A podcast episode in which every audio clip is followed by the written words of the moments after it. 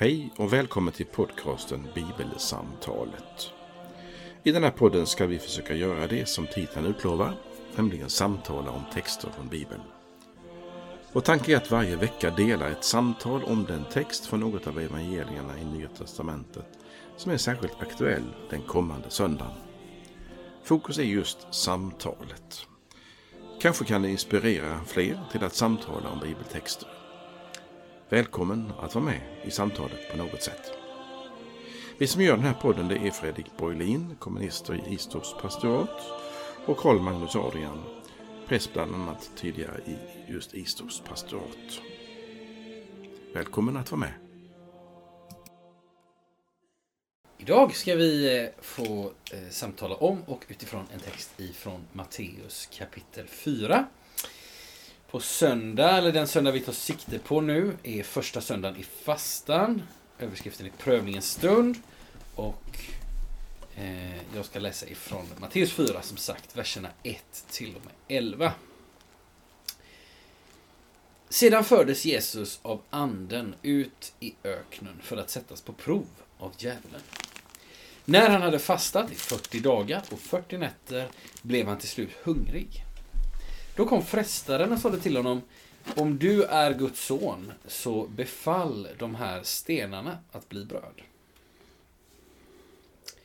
Jesus svarade, det står skrivet, människan ska inte leva bara av bröd utan av varje ord som utgår ur Guds mun. Sedan tog djävulen honom med sig till den heliga staden och ställde honom högst uppe på tempelmuren och sade Om du är Guds son så kasta dig ner. Det står ju skrivet Han ska befalla sina änglar och de ska bära dig på sina händer så att du inte stöter foten mot någon sten. Jesus sade till honom Det står skrivet Du ska inte sätta Herren, din Gud, på prov. Nu tog djävulen honom med sig upp på ett mycket högt berg och visade honom alla riken i världen och deras härlighet och sade allt detta ska jag ge dig om du faller ner och tillber mig. Då sa Jesus till honom, gå din väg Satan. Det står ju skrivet, Herren din Gud ska du tillbe och endast honom ska du dyrka. Då lät djävulen honom vara och änglar kom fram och betjänade honom. Så lyder det heliga evangeliet. Lovad vare du Kristus. Ja,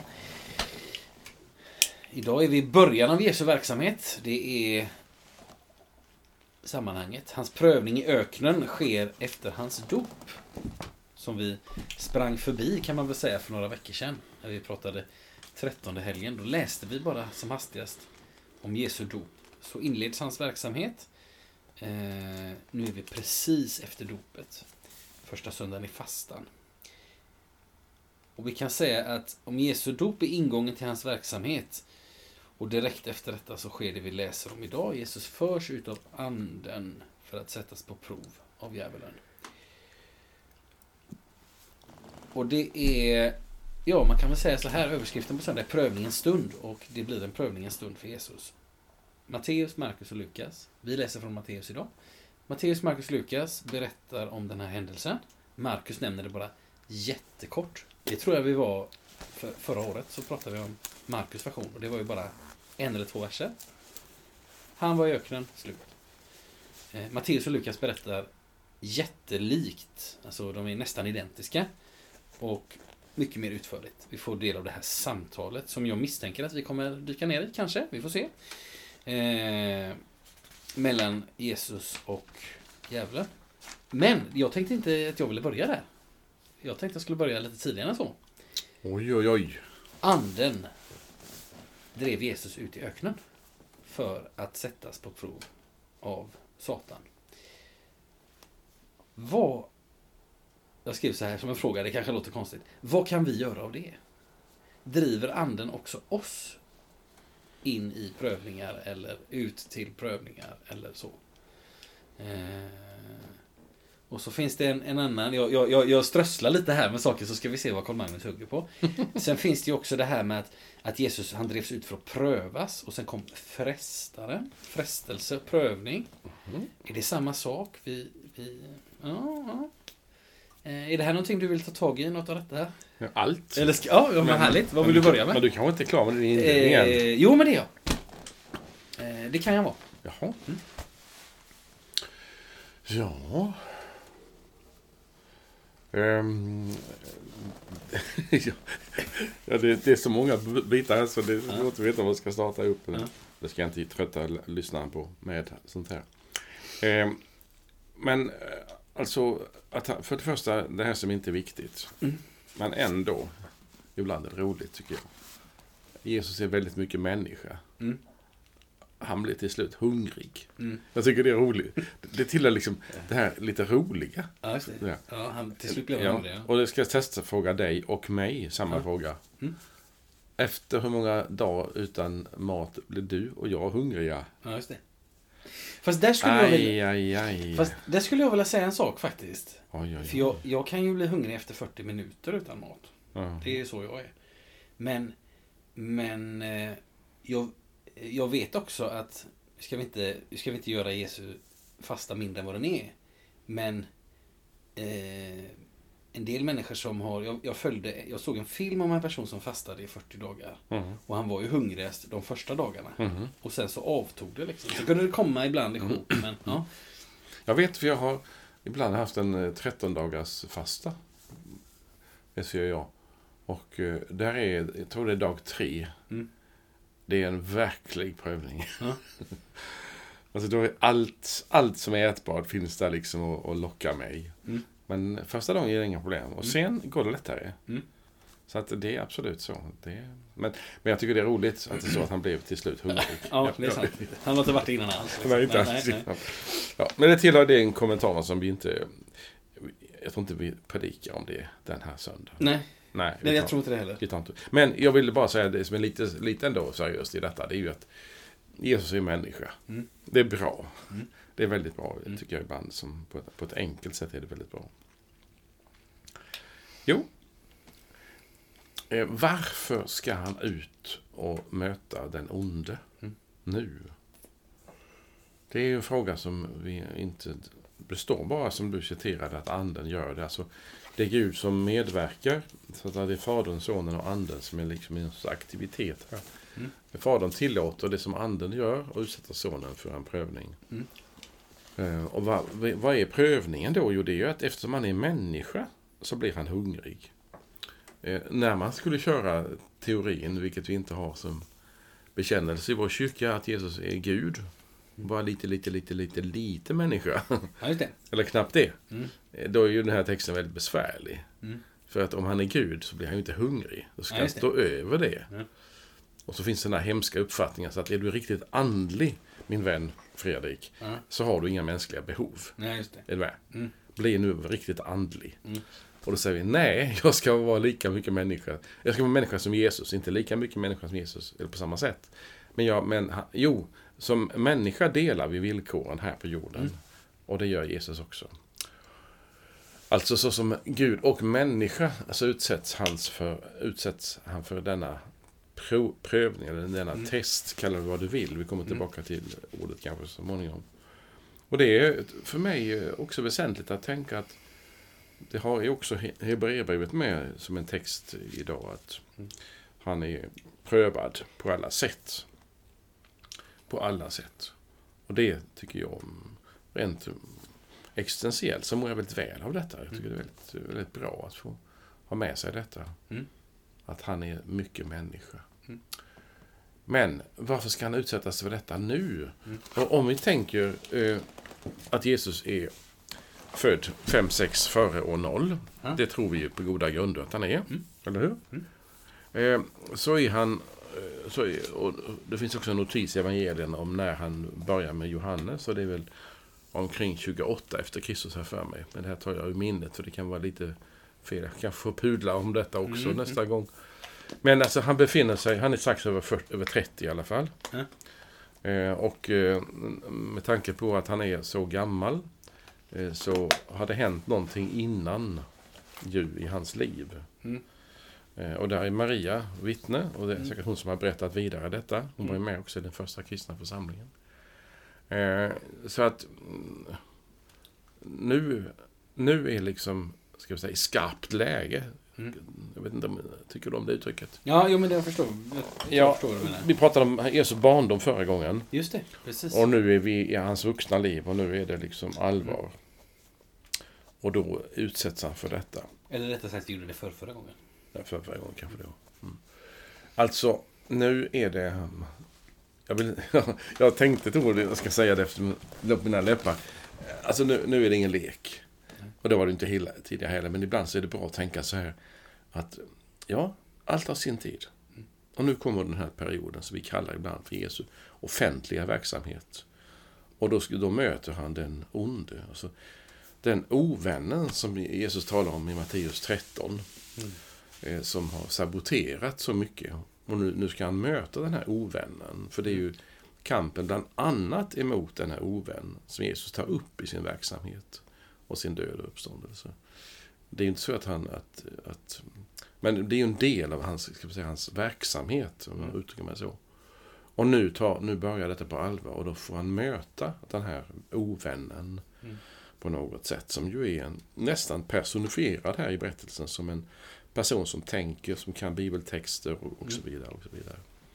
Ja, det var min bara en notering. Mm. Jag kastade inte ut en fråga här till dig. Nej. Men eh, det var det första jag tänkte på. att Mm. Varför nu? Jo, Mm. nu är det skarpt läge. Det har ju precis, man kan ju, jag tänker att man kan se detta också i ljuset av vad som har hänt precis tidigare, det vill säga Jesu dop. Då har ju någonting verkligen manifesterats. Mm. Någonting har verkligen. Blivit tydliggjort Ja. för de människorna som var med där och då, som Mm. kan läsa om i Bibeln. Alltså, Fadern, eh, så röst från himlen, Jesus smörjs för sitt uppdrag som Messias med, Mm. med anden. Eh, och då blir det någon form av eh, motreaktion, eller fast det verkar ju ändå vara det. Det är ändå Gud som har initiativet här. Mm. Det är inget mothugg från, från, mot, från ovännen, så att säga. Utan det är ju mer, det är anden som driver. Placera ut honom här i öknen. Och, Ja. mm. Jag tänker på öken. Det finns ju i, traditioner från både från denna öknen men också i Egypten om ökendemoner. Mm. Som, som man har kallat för. Det vill säga det är en, det är en svår prövning och bekymmer att, att leva i öknen. Mm. Det är inte lätt.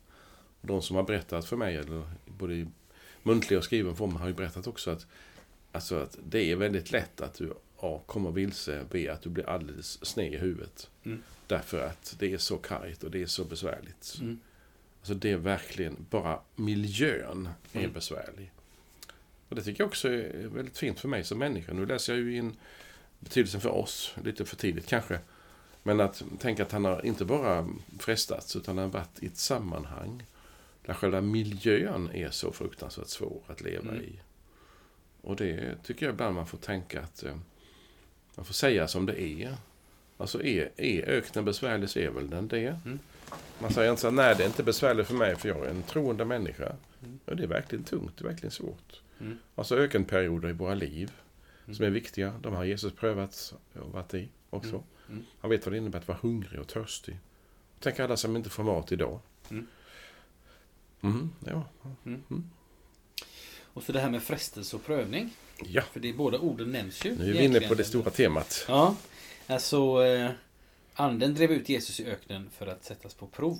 Så Ja. det vad prövningen. Därför har vi prövningen. Och sen så visar sig frestaren, och det förstår vi att det, det är samma person som, som djävulen, för det är bara två, två, vad ska vi säga, begrepp för samma person, varelse, entitet eller vad vi ska säga. Mm. Ovännen hade vi också som ett namn förut. Mm. Eh, ibland brukar man ju, den som är van vid att be Herrens bön, vet kanske att den finns i två versioner. Som vi kallar det ibland för herr, vår fader och fader vår. Ber vi den gamla inled oss icke i frestelse. Och i den nya ber vi utsätt oss inte för prövning. Och då man funderar på en del när man diskuterar Ja, ni har den gamla, ni har den nya, jag gillar den. Och, eller sådär va. Mm. Så, så är det ibland detta med frestelse och prövning som är en sån där sak som gör att det ena eller det andra. Ska vi ha lite andra bibliska perspektiv på detta så Gud frestar ingen, säger Jakob i sitt brev, första kapitel, 13 vers. I första Korintierbrevet 10 skriver Paulus Gud låter ingen prövas över sin förmåga och han sänder en utväg. Mm. Eh, om man skulle säga någonting om både frestelse och prövning utifrån den här texten som vi är i nu, för det är ju Mm, primärt mm, den vi ska ha. Mm. Så, så se vad du säger om detta. Alltså det är eh, Gud kan pröva människor. Eh, och gör det ju också här. Han prövar ju Jesus. Mm. Eh, eh, men eh, gör, och gör det för att stärka oss. Det är ju eh, det, det, är, det är liksom poängen med det. Eh, men frestandet sköts av frestaren som inte har några som helst karaktärsdanande motiv oss. Nu ska jag... Nu ska jag liksom, fint ord. Karaktärsdanande motiv. Eh, Jag ska vill säga- förklara för lyssnaren vad det betyder. man kan säga, man kan säga eh, om man... Ja, gör det först. Så kan Nej, jag- nej, ta, du, du, får förklara det själv. Ja. Nej, man, kan, man kan tänka så här, eh, skillnaden mellan din personliga tränare som kan utsätta dig för jobbiga saker för att du ska få större muskler eller orka Ja. springa längre. Ja. Jämfört med eh, eh, någon bekant till dig som, som försöker få dig att äta en, en hel 28 bitars smörgåstårta för att du inte ska gå i dina byxor. Eh, Oj, oj, oj, alltså, oj, oj. Eh, den ena vill dig väl även om det kan vara en utmaning. Den andra inte. Ja, det är bra. Det köper jag. Eh, och sådär. Mm. Ja, nej. Har du något? Ja, Du har alltså, mött detta också såklart, Carl Magnus? ja, det roliga är att, att, att de här, eh, det här delen, alltså den här, det här ordet. Mm. Eh, och ehm, för, först ska jag sä- säga en tes till lyssnaren. Och, och nu kära lyssnare så är jag inte ute för att sätta dig på, på, på det hala eller markera eventuellt att jag kan mer än du. Med, med den brasklappen så säger jag följande. Eh, om du kommer i bekymmer eller problem, med hur du ska bedja bönen Fader vår eller Vår Fader. Mm. Så har jag ett förslag. Mm. Kolon. Mm. Inled oss inte i peirasmos. Mm. Det är mitt förslag. Mm. Inled oss inte i peirasmos. Mm. Det är grekiska. Ja. Därför att ordet på grekiska innehåller både på svenska prövning och frestelse. Och när det gäller att förstå de här orden så vill jag bara ge också en liten som har hjälpt mig en hel del och det är att vi måste tänka så här när det gäller översättning att om innebörden i en prövning, Mm. test som du sa eller någonting sånt, Mm. eller frestelse att locka till någonting. Mm. Så är frågan, vad, vad, hur, hur klingar orden idag? Mm. Och det kallar vi ibland för semantik. Alltså, det krävs, menar jag, av oss som predikanter att vi är väldigt noga med de svenska orden. Mm. Vi måste inte vara experter på grekiska och hebreiska. Det är bra om vi kan det. Mm. Men det är inte det som är poängen i det jag säger nu. Mm. Och det är att om... eh, Jag läste en, en vederhäftig information om att på 1500-talet i Sve- på svenska språket så är ordet peirasmos, alltså frestelse, förlåt, frestelse på svenska, betyder eh, både pröva men för, och locka. Men pröva betyder också. Men då skrev den person, i, i svenska språket, alltså det är normalsvenskan som vi, ursäkta uttrycket normalsvenskan, eh, så från 1700-talet och framåt så är frestelse alltid någonting att locka till någonting som inte är bra. Mm.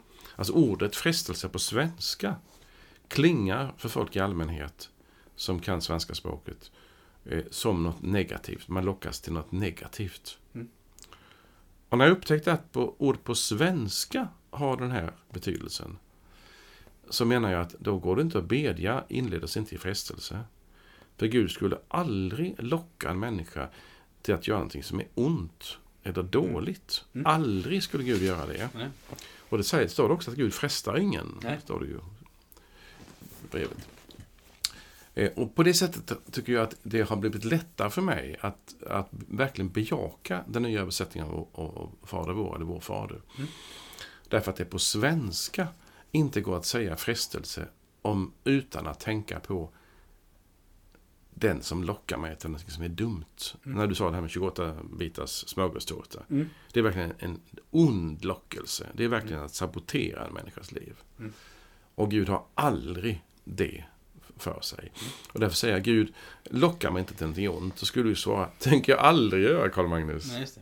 Så att, men sen, observera när jag sa att du skulle kunna bedja inledas inte i peirasmos. Mm. Så är själva ordet på grekiska, Mm. det, det, det används både om lockelse till någonting ont Mm. och prövning som Gud utsätter en människa för. Mm. Och som också kan vara jobbig och som är jobbig. Ja, ja, det handlar inte om det. Ja, Men, det är ont. ja, precis. Nej, Alltså lockelse är någonting ont. Mm. Eh, Men, eh, men alltså Gud, Gud prövar en människa. Absolut gör han det. Mm. Eh, Och därför finns det olika översättningar. Och jag, jag ska bara ta en sak som inte egentligen har att göra med, med vårt eh, ämne idag. Men, men jag tycker ändå det har vikt med tanke på ordet som vi väljer. Ja.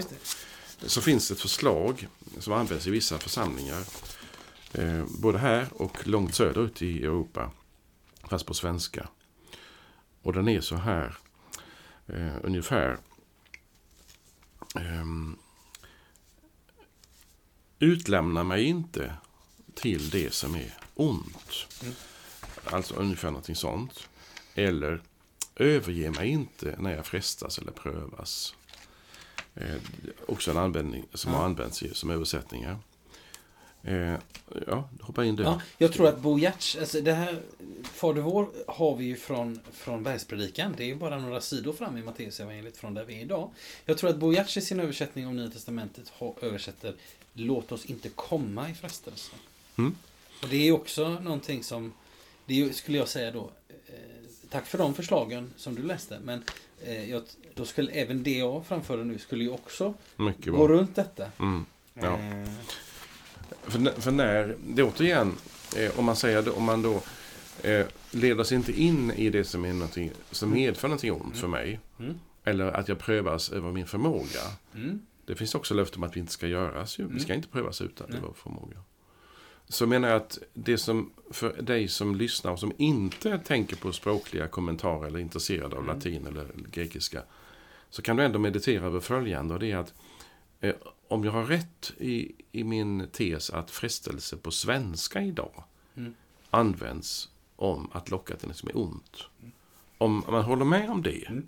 Då blir det svårt att bedja inled mig inte i frestelse. Jag tänkte direkt på Janssons frestelse. Just det, Men, ja, ja, men ja. det var ett, sid- det är vi- Tycker du att min tes är, är för kraftfull? Låter den för liksom, auktoritär? Eh. Att, hallå? Nej, men jag tror, jag tror att det är bra att vi, att vi slår ner på detta. Att, eh, att, eh, så att säga, Gud prövar, han frestar inte. Eh, och att eh, sen så vet jag inte om det är... Sen skulle jag kanske säga, men nu gissar jag bara och funderar på om eh, den här, alltså fres, ordet frestelse idag, 2024. Eh, eh, om vi skulle fråga 100 personer på ICA. Hur många skulle uppfatta det negativt, positivt? Och så finns det säkert några, kanske om vi tänker att det skulle dyka upp några barn, ungdomar eller så. Vad är det för ord? Vad betyder det? Jag vet inte riktigt. Man kanske är lite, man vet inte riktigt. Ja. För att det handlar ju inte heller om, men så att säga, det handlar ju heller inte om att det som vi, inte, det som vi vill undvika är inte det som är så ro, det är inte det som är, frest, om frestelse är något positivt. Om man tänker, åh det är ju härliga saker. Då kan ju bilden bli fel. Jaha, vill Gud inte att jag ska ha Janssons frestelse ungefär? Eller alltså, att man tänker att Ja, men synd den- det är sånt som är... ja, Ja, nej, nej. Men där blandar vi korten tycker jag. ja, det kanske vi gör. Ja. För att om frestelse, om frestelse, eh, typ att eh, frestelse att äta en 28 bitars eh, smörgåstårta. Mm. Eh, så tror jag att om vi nu frågar, för, först frågar vi då hur folk anser på ICA som du sa va? Mm. Då skulle de säga, det är inte nyttigt. Mm. Alltså det, det är ingen frestelse för mig. Mm. Det är snarare en otrolig bekymmer för mig. Mm. Eh, men, men frestelse, jag menar fortfarande på svenska i allmänhet, så är väl karaktären på ordet det att man lockas till någonting som man själv menar inte är bra. Mm. Sen om, om man frestas att äta glass nummer tre när man ätit två redan, Mm. så kan man säga Alltså det är så gott med den tredje glassen. Mm. Och då blir ju den här frestelsen något positivt som, Mm. som jag faller för och tycker det är väldigt skönt och gott att få äta den tredje glassen. Mm. Men för mig är det ett sätt att, att, att då mörkar man själva vad problemet ligger med ordvalet frestelse. Ja, det. Ja. Eller, Mm. säg gärna till mig om du tycker jag är för Nej, jag kraftfull där. Ja. Men då skulle jag vilja, då skulle jag vilja ta det här ett steg vidare. Eh, du nämnde förut att eh, perasmos är frestelse och prövning. Mm. Och här används ju det ordet vid två tillfällen i texten. Mm. En gång för att Jesus skulle Mhm. frestas. Mhm. Eller för att han skulle prövas. Och sen kommer frestaren. Med substantivet, Ja, ja. och det, är, det är samma ord Samma där. ord är det. Eh, Så det, det ser vi. Men då tänker jag så här. Vad säger du om att den som vi kallar då för nya Fader vår, alltså vår fader. Ja. Där ber vi utsätt oss inte för prövning. Mm. Eh, finns det ett problem i den översättningen, skulle du säga? Ja, alltså, vilket ord man än använder så måste man förklara sig. Mm. Och eh, jag tror att det här samtalet som vi för just nu om ordet, Ja. som också kanske landar hos någon som, som, för, som ber den här bönen med, med stor respekt och med, med glädje.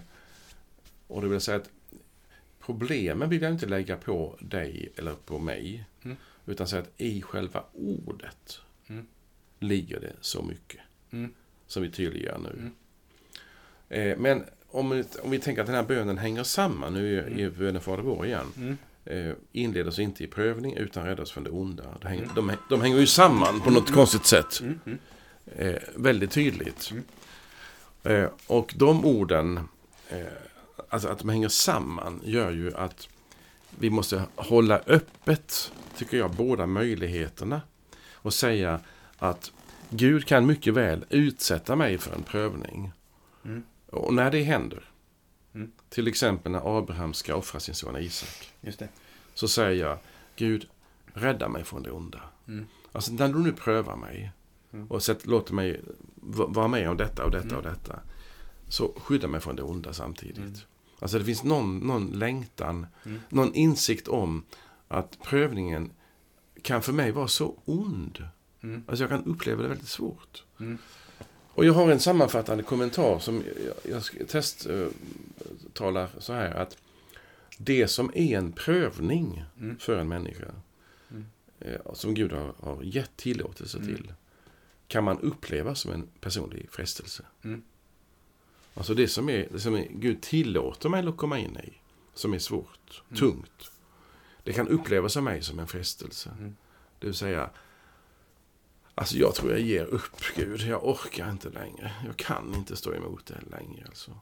Och sådana ögonblick tror jag finns existentiellt för massor av människor i, överallt i alla tider. Mm. Jag kämpar mot någonting och så, jag orkar inte. Mm. Nu kommer jag dit igen i samma sammanhang och jag ser, åh det är samma problem igen. Alltså. Mm. Det är så tungt. Så att när jag ber om hjälp att komma att, att inte ska prövas. Så skulle jag personligen säga, och nu kommer det många ord kring samma sak. Gud, när, när det händer.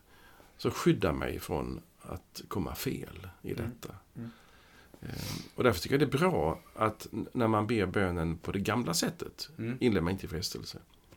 Så har man med sig detta.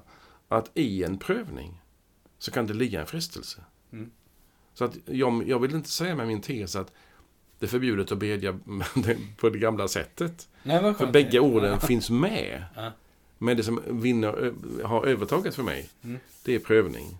Därför att Gud eh, drar inte ut mig i något som är ont. Men det som Gud tillåter ske med mig, det kan vara en verklig frestelse. Mm. Och jag tänker att det här med Jesus, eller Getsemane, Mm. det är samma sak där, prövningens Mm. stund. Mm. När han, när han är förtvivlad över att han ska han gå in i den här kampen med lidandet och bära all världens synd. Det är fruktansvärt. Mm. Och så ber han att lärjungarna ska skyddas från denna prövning. Mm. För det är för tungt, de kan inte bära det. Nej. Han kan bära det, men inte de. Mm. Mm. Alltså, när jag prövas Gud, så låt det inte bli inte för tungt, för jag orkar inte med det där. Nej. Man kan tala så till Gud, menar jag. Apropå det nya, jag tänker vi ska komma in lite i samtalet också idag mellan Gud och eller mellan Jesus Ja, ja. och hans motståndare. Men någon sa så här apropå det här med utsätt oss inte för prövning. Då var det någon som sa så här i ett samtal om det en gång. Så, så här, men vadå? Eh, Det är ju genom prövningen vi kommer närmare Gud. Mm. Eh, Varför ska vi då be att han inte utsätter oss för prövning? Mm. Och då svarar en annan svar, ja fast en, om, om Gud ska pröva dig så är det liksom, eh, då är det någonting som inte är roligt. Alltså det vill säga, det är någonting som du helst inte vill. Mm. Det är då det blir en prövning. Ja. För det är som att säga, eh, åh vad lätt och härligt det var med den här 300 grams hanteln här. Mm. Men det är ingen prövning. Nej. Eh, det kan se ut som en prövning, Ja. men det är inte det. Eh, men Men- ja, ja. Nej, men det är precis som, det är väl så att de som ber översättningen, med gamla översättningen, de, de har väl det som huvudargument. Mm. Alltså, jag, jag kan inte hindra Gud från att pröva mig. Nej. Ehm, men det är ju, då får man vända, tänka på parallella ord som vi har nu på här. Mm. Säger vi ehm, rädda oss från frestelsen, alltså rädda oss från att föras in i det som är lockande. Mm. Eller rädda mig från att lockas in i det, eller föras in i det som är en, prövning av dig så hamnar jag ju hellre i, i Guds prövning än i frestelsen som jag inte klarar av. Mm.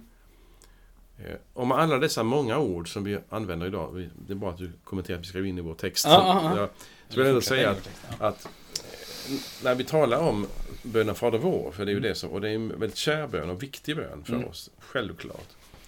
Så låt oss stå för att peirasmos på grekiska alltså, det står för både frestelse Mm. och prövning. Mm. Och därför så, antingen så kan vi bedja Gud led oss inte in i prövning eller peirasmos eller prövning Mm. frestelse. Mm. Att de här bägge orden. Mm. Eh, om man nu vill tänka så. Mm. Ja. Mm. Och så har vi ett samtal. För han, där ute i öknen så sker ett samtal. Eh, och jag tänkte som ingång på det eh, säga följande. Att det som Jesus, alltså det, eller så att säga de frestelser som läggs fram för Jesus handlar om saker som vi, alla människor, längtar efter. Mhm, verkligen. Eh, och det kan man tänka, det kan, längtan kan ju vara, Mm. den kan vara positiv. Åh, vad, vad härligt att ha en varm filt när det är kallt. Mm, mm, mm. Det är ingen osund längtan på något sätt. Jag vill vara trygg, jag vill ha mat på bordet och så vidare. Och så finns det längtan som inte är eh, av godo liksom. Mm. Eh, jag tänker att det som den onde liksom attackerar här, det är för det första våran längtan efter rikedom. Mm. Tänk om vi kunde göra stenar till bröd. Mhm. Då hade vi kunnat starta ett bageri här i Öxtenvalla. Eh, och sälja, dumpa priserna på bröd. Mm. Och bli brödkungar. Eh, and, det andra är har med vår självbild att göra, vårt rykte. Mhm. Om du är Guds son. Mhm. Så, ja men det vill jag ju vara. Eller det, absolut, jag vill ju, jag vill ju vara någonting. Och det tredje, makt. Fall ner inför mig, då ska allt det här bli ditt. Vad tänker du om detta? Jag tänker först eh, ta en, en generell tanke på det här. Eh, När vi läser den här eh, samtalsdelen av berättelsen, som Mm. vi har just, som du börjar på nu precis. Mm. Så det intressanta är att den första kommentaren som du har nu, Mm. det är att tolka in oss i detta. Mm. Och då undrar jag, av vilken anledning tar du in oss i den här Mm. texten? Handlar det inte om oss?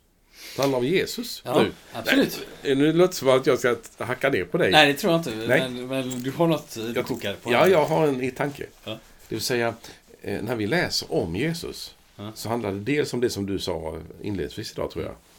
Alltså de här texterna, och för- förra gången, Mm. handlar ju om att tydliga, vem är han? Ja. Alltså det är en identitetstext. Mm. Kan man kalla det för det? Ja. Vem är Jesus? När han talar om dopet, som vi berörde mycket, mycket kort, eh, så handlar det om vem är han? Jo, den älskade sonen. Mm. Vem är han nu? Han är Guds son som har en kamp emot djävulen. Mm. Ja. Sen när du tar in det här med, med oss, Mm. Så menar du att av detta lär vi oss någonting för vår egen frestelse, kamp, prövning, Mm. möte med det onda. håller jag helt med om. Mm. Eh, Jag skulle dock till lyssnaren vilja säga, fundera på eh, hur tidigt vi tar en text och lägger in oss i den. Mm. Innan vi har liksom borrat färdigt Ja, om Jesus. Men jag tycker det är väldigt bra att du gör det, därför att nu har vi återigen två parallella linjer. ja, just det. Och jag tycker vi kan hålla det vid liv om jag får säga vad jag tycker Shoot, till, till dig. Ja. Det vill säga, kör det här spe, sp, eh, spåret att tänka, vad lär detta om oss Mm. om kampen och, och Mm. frestelsen, prövningen? Mm. Och vad, säger, vad är det Jesus är med om? Mm. Ja. Mm. Nej men precis, jag håller med dig. Det här är, handlar ju om en...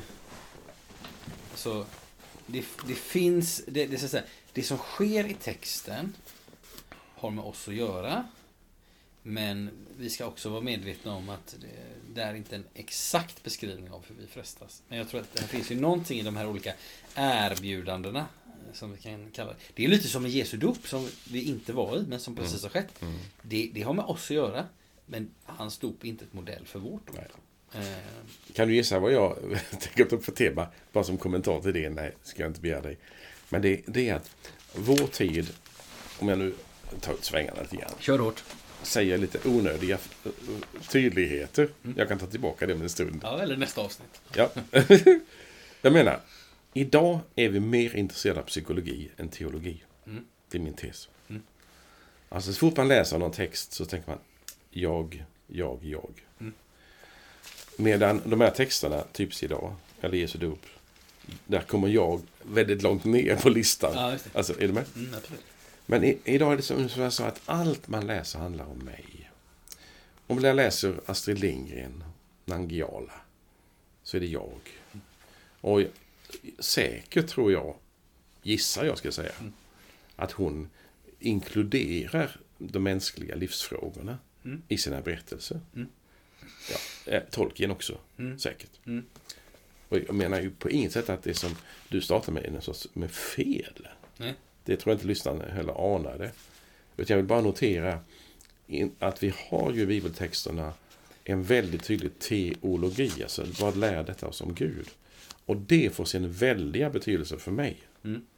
Men när jag läser berätt- berättelserna Ta, ta det, den här texten som du hoppade in i med din kommentar och, Mm. och ta berättelsen om Getsemane, Jesu kamp i Getsemane innan han ska bli gripen och dör. Och bli, så. så läser man Getsemane-kampen som då kommer att vara överskriften Livsångest Mm. i Sverige idag.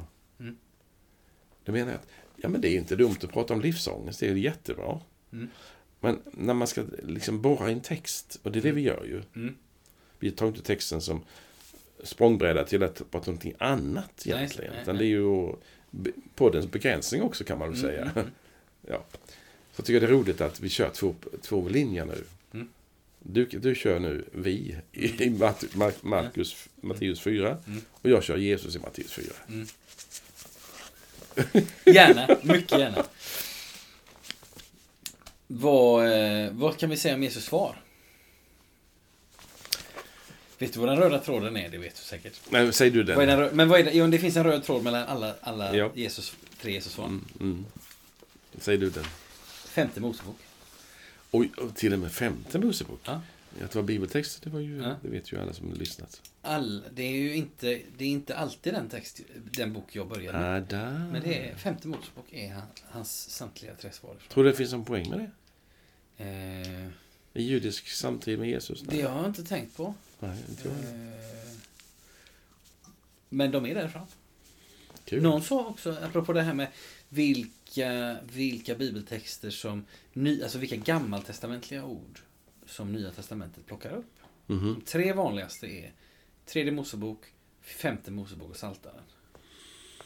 Det var intressant också. Det var någon som hade liksom gjort någon uppställning av det. Det här ska jag ta till mig. Ja, det tycker jag är spännande. Mycket bra. För det är ibland, ibland heter det om eh, Ibland heter det om att till exempel Tredje Mosebok den är inte så lättillgänglig. Ja. Eh, eh, och, och Saltaren är, förstår vi, men, men eh, kanske, eller så vi inte det. Men, eh, mm, Jag tycker när man kör din, din tolkningsnyckel nummer ett och min nummer två. mm, De är, är verkligen konkurrenter. Så kan man säga att det som är när man tolkar in alltså det här som en lärdom för oss. Mm. Så brukar vi också säga ju och tänka att det är bibelordet som Mm. är ett bra va- vapen Mm. emot den onde. Mm. Och det säger också Paulus i, Mm. i Efesierbrevet 6. Mm. Det, är- det är bra med, med ordets, eh, alltså löftena från, Gud, från Bibeln mm, har vi nytta av. Mm. Inte som ett mantra, utan bara att vi vet vad det handlar om. Jag, mm, jag tar ett neutralt exempel. Livet är hopplöst, ingen tycker om mig. Och så säger du, Karl Magnus, glöm inte att Gud älskade världen. Johannes 3.16. Mm. Och då kanske jag tänker att ja, men det är lite mer auktoritet i Johannes 3.16 än i Fredrik Borglins ord. Förstår du? Ja. Och det är bra därför tycker jag att vi noterar det. Mm. Eh, det bibelordet. Men jag har en fråga till dig. Mm. När jag läser detta den här gången, för jag har ju läst den här texten ganska många gånger. Mm. Så funderar jag på, vad är det som gör att djävulen schappar och sticker iväg? Mm. Så undrar jag om det är det sista Jesus säger. Mm. Gå din väg. Mm. Alltså, bibelorden fungerar ju så Mm. att de, den onde har ett bibelord, Jesus har ett annat bibelord. Mm. Och det har man sagt ibland att de, de, de, liksom, de slåss med bibelord. Mm. Säger du ett från femte Mosebok så säger jag ett från Josua. Mm. Är du med? Mm. Så fightas vi. Det finns ju belägg i Bibeln för ganska mycket. Mm. Om man rycker loss dem. Mm. Eh, så, men, men när Jesus svarar första gången Mm. på, på frestarens ord Mm. så fortsätter ju frestaren. Mm. Och när Jesus svarar andra gången så Mm. fortsätter frestaren. Mm. När Jesus svarar tredje gången och säger gå iväg, då sticker han. Mm. Så det är någon sorts auktoritet i Jesus person i gestalt. Mm. Där frestaren tänker, och nu kommer min mycket personliga kommentar. Han inser för tredje gången, det är ingen idé. Jag klarar inte av Jesus. Det tror jag Mm. den onde tänker. Jag klarar inte av det här Jesus. Och jag tycker om det när vi tar, tar din tolkning att läsa in oss. Det är väldigt fint att tänka, Mm. ja, men när jag nu står inför olika prövningar, frestelser, slash Mm. frestelse. Så tänker jag, så åberopar jag Jesus namnet. Mm. Jag korsmärker mig, bildligt talat eller konkret framför mig. Mm. Och tänker, mot Kristus har den onde ingen makt. Nej. Ja, så tillämpar jag detta Mm. för mig. Och jag, ja. och jag tänker också att... Eh, mm, vad var det jag tänkte nu? Eh, ja, nej, men för det, det är intressant det här. Va, varför beger sig han iväg? Eh, dels så tänker jag, eh, så att säga, Guds ord är ett vapen mot frestelse, mot den onde och så vidare. Mm. Eh, och vi förstår av de två första angreppen eh, att Guds ord kan också missbrukas. För det första som e- Bibeln säger, han, då hänvisar han till skriften. Det står skrivet, människan ska inte bara leva. Eller eh, om du är Guds son, eh, befalla stenar. Ah, no, ah, eh, nej, det är egentligen bara andra gången som djävulen kommer med något från, tydligt från skriften. va? Det står skrivet, han ska befalla sina änglar. Så, eh, Ja, just det. Sen, sen kan man säga att, ja förlåt, jag ska inte avbryta dig. nej, Men, men det. punkten ett, där menar han ju att om han är Guds son Mm, så har han ju makt. mm. Så det är makten som du pratade om Ja, ja, inledningsvis ja, mm, idag. Det som finns med i punkten ett. Mm. Och, precis, och i det andra fallet så, så, så hänvisar den onde till ett, till ett faktiskt bibelord. Han ska befalla sina Mm, änglar och det ska bära, sig till, Mm. bära dig på sina händer. Mm. Eh, och då kan man fundera på vad är det som gör då att han går efter den tredje? Eh, det finns, den tredje står ju ut på ett sätt tycker jag. För att i, i det första fallet så är det ett ifrågasättande. Nu, nu märker den som lyssnar att man är hjälpt att få texten framför sig. Nu, nu kastar vi oss för igenom här. Men det första är ett ifrågasättande. Om du är Guds son. Det andra är ett ifrågasättande. Eh, om du är Guds son, Mm. kasta dig ner. Mm. Men det tredje är en ren och skär lögn. Allt detta ska jag ge dig om du faller ner och tillber mig. Nej. Kan djävulen absolut inte göra. Har inte den makten. Skulle jag säga. Det är ju som om, om du skulle leda upp mig på Sitons kulle här i Öxnevalla så skulle du säga så här Fredrik, fall ner och tillbe mig. Jag ska ge dig hela Öxnevalla. Då skulle jag bli väldigt förvånad om du gjorde det. Men jag skulle också tänka, nej Carl Magnus, för du äger inte hela Öxnevalla. Det är inte din plats. Kan man tänka så? Eller, det, ja. nej, säg. Nej, säg. Alltså detta tycker jag är väldigt intressant. Därför att Mm. Här ligger ju å ena sidan en lögn. Mm. Å andra sidan så är det så att djävulen är nedkastad på jorden. Mm. Ja, det vill säga, han, är ett, han försöker... Han har ett maktgrepp här på jorden. Mm. Alltså det är ju han som, som är ovännen som har saboterat det hela. Mm. Och han, han släpper ju inte taget. Mm. För att han vill ju försöka roffa åt sig allt han kan. Och därför att, att attackerar han ju kyrkan, det vill säga Kristus trogen, trogna människor överallt i alla tider. Av den anledningen. Eh, så att det finns ju någonting i det att, att han liksom... Om då Jesus blir mäktig här på jorden. Mm. Samtal med Pilatus. Eh, mitt rike är inte av denna världen. Om, om det nu vore denna världen. Mm. Så är det ju så att den världen som du säger är Guds. Det är ju verkligen Guds värld. Gud har Mm. skapat allting. Mm. Som är lagd under förgängelsen. Alltså den är Mm. lagd under det Mm. onda på något vis. Skulle djävulen kunna så att säga, dra tillbaka det onda här. För att släppa in Jesus lite mer. Och sen klippa till. Är det det han antyder? Medan Jesus inte går in i den diskussionen som jag nu tar upp. Det här är ju en väldigt komplicerad diskussion tycker Ja, jag. ja. Så fattar du inte som lyssnar så bry dig inte om det. Eh, Men grejen är att, att det är tillbedjan Mm. som är poängen. Mm. För jag klarar inte av den, din fråga egentligen, Nej. som du märker. Nej. Men tillbe mig så ska du få allt sammans. Och då Mm. säger du, det är en lögn. Då säger jag, Mm. ja, det kanske är en lögn. Men grejen med Jesus svar är att Gud ska du tillbedja, honom endast ska du dyrka. Mm. Alltså den här jorden och allt som finns här Mm. är inte tillbedjan. Ska vi inte be- tillbe. Nej. Det är Alltså- sekundärt. Det är sekundärt. Ja. Men det är Guds. Mm. Och det är saboterat av den onde. Mm. Alltså, han, den onde har perverterat allt som är gott. Han har vänt allt gott åt fel håll. Det är det som tyvärr vi känner av. Mm. Och då ska du inte tillbe någonting här på jorden. Ingenting. Eller någon människa. Utan bara Gud. Så det är en riktning och en tillbedjans riktning och tillbedjan.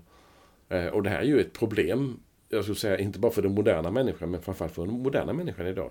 Jag vill inte inordna mig och Mm. underordna mig. Mm. That's a problem. Mm. Och då har man väldiga problem med Gud. Mm. Eller? Ja. Och där kan jag säga så här. Jag tittar på klockan. Eh, att eh, detta med att inordna sig. Det får vi anledning att återkomma till nästa vecka. Jajamän. Den kämpande tron. Men jag vill säga, jag vill säga två, två saker till. Kort, kort, kort. Så blir det här en cliffhanger. Så får den som lyssnar eh, fundera vidare på detta. Jesu andra svar lyder så här. Det står också skrivet, du ska inte sätta Herren, din Gud, på prov. Jag tänker att det betyder två saker. Eh, det vill säga, Jesus ska inte pröva Gud genom att kasta sig ut. Det kan också vara ett tilltal till den onde. Det vill säga, djävulen ska inte pröva Jesus, som är Gud själv. Det, det var fint. Jag blev uppmärksammad på den tolkningen för ett tag sedan. Jag tycker den är... Jag gillar den. Sen sa vi så här. Vi sa allra första idag. Så sa vi Matteus och Lukas berättar nästan identiskt om den här händelsen. Mm. Men det finns en lit, bland annat en liten detalj i slutet som skiljer sig. För det, det står så här hos Matteus. Djävulen lämnade Jesus. Mm. Och Lukas lägger till. För ett tag. Mhm. För vi vet att kampen fortsätter. Mm, mm, Du har hänvisat till Getsemane-kampen till exempel. mm, mm. Och så vidare. Så att eh, kampen fortsätter. Eh, med det här avsnittet till slut. Så bra. vi önskar dig som har lyssnat allt gott. Hoppas att du har fått till dig någonting idag. Eh, och vi önskar dig som sagt allt gott och Guds välsignelse. Hej då! Jag vill bara säga ett sista ord. Ja, gärna. Till dig som ber Fader vår Ja. på något sätt. Ja. Bed frimodigt Ja. den bönen med den översättningen som Mm. du vill. Mm. Hej då! Allt gott. Hej!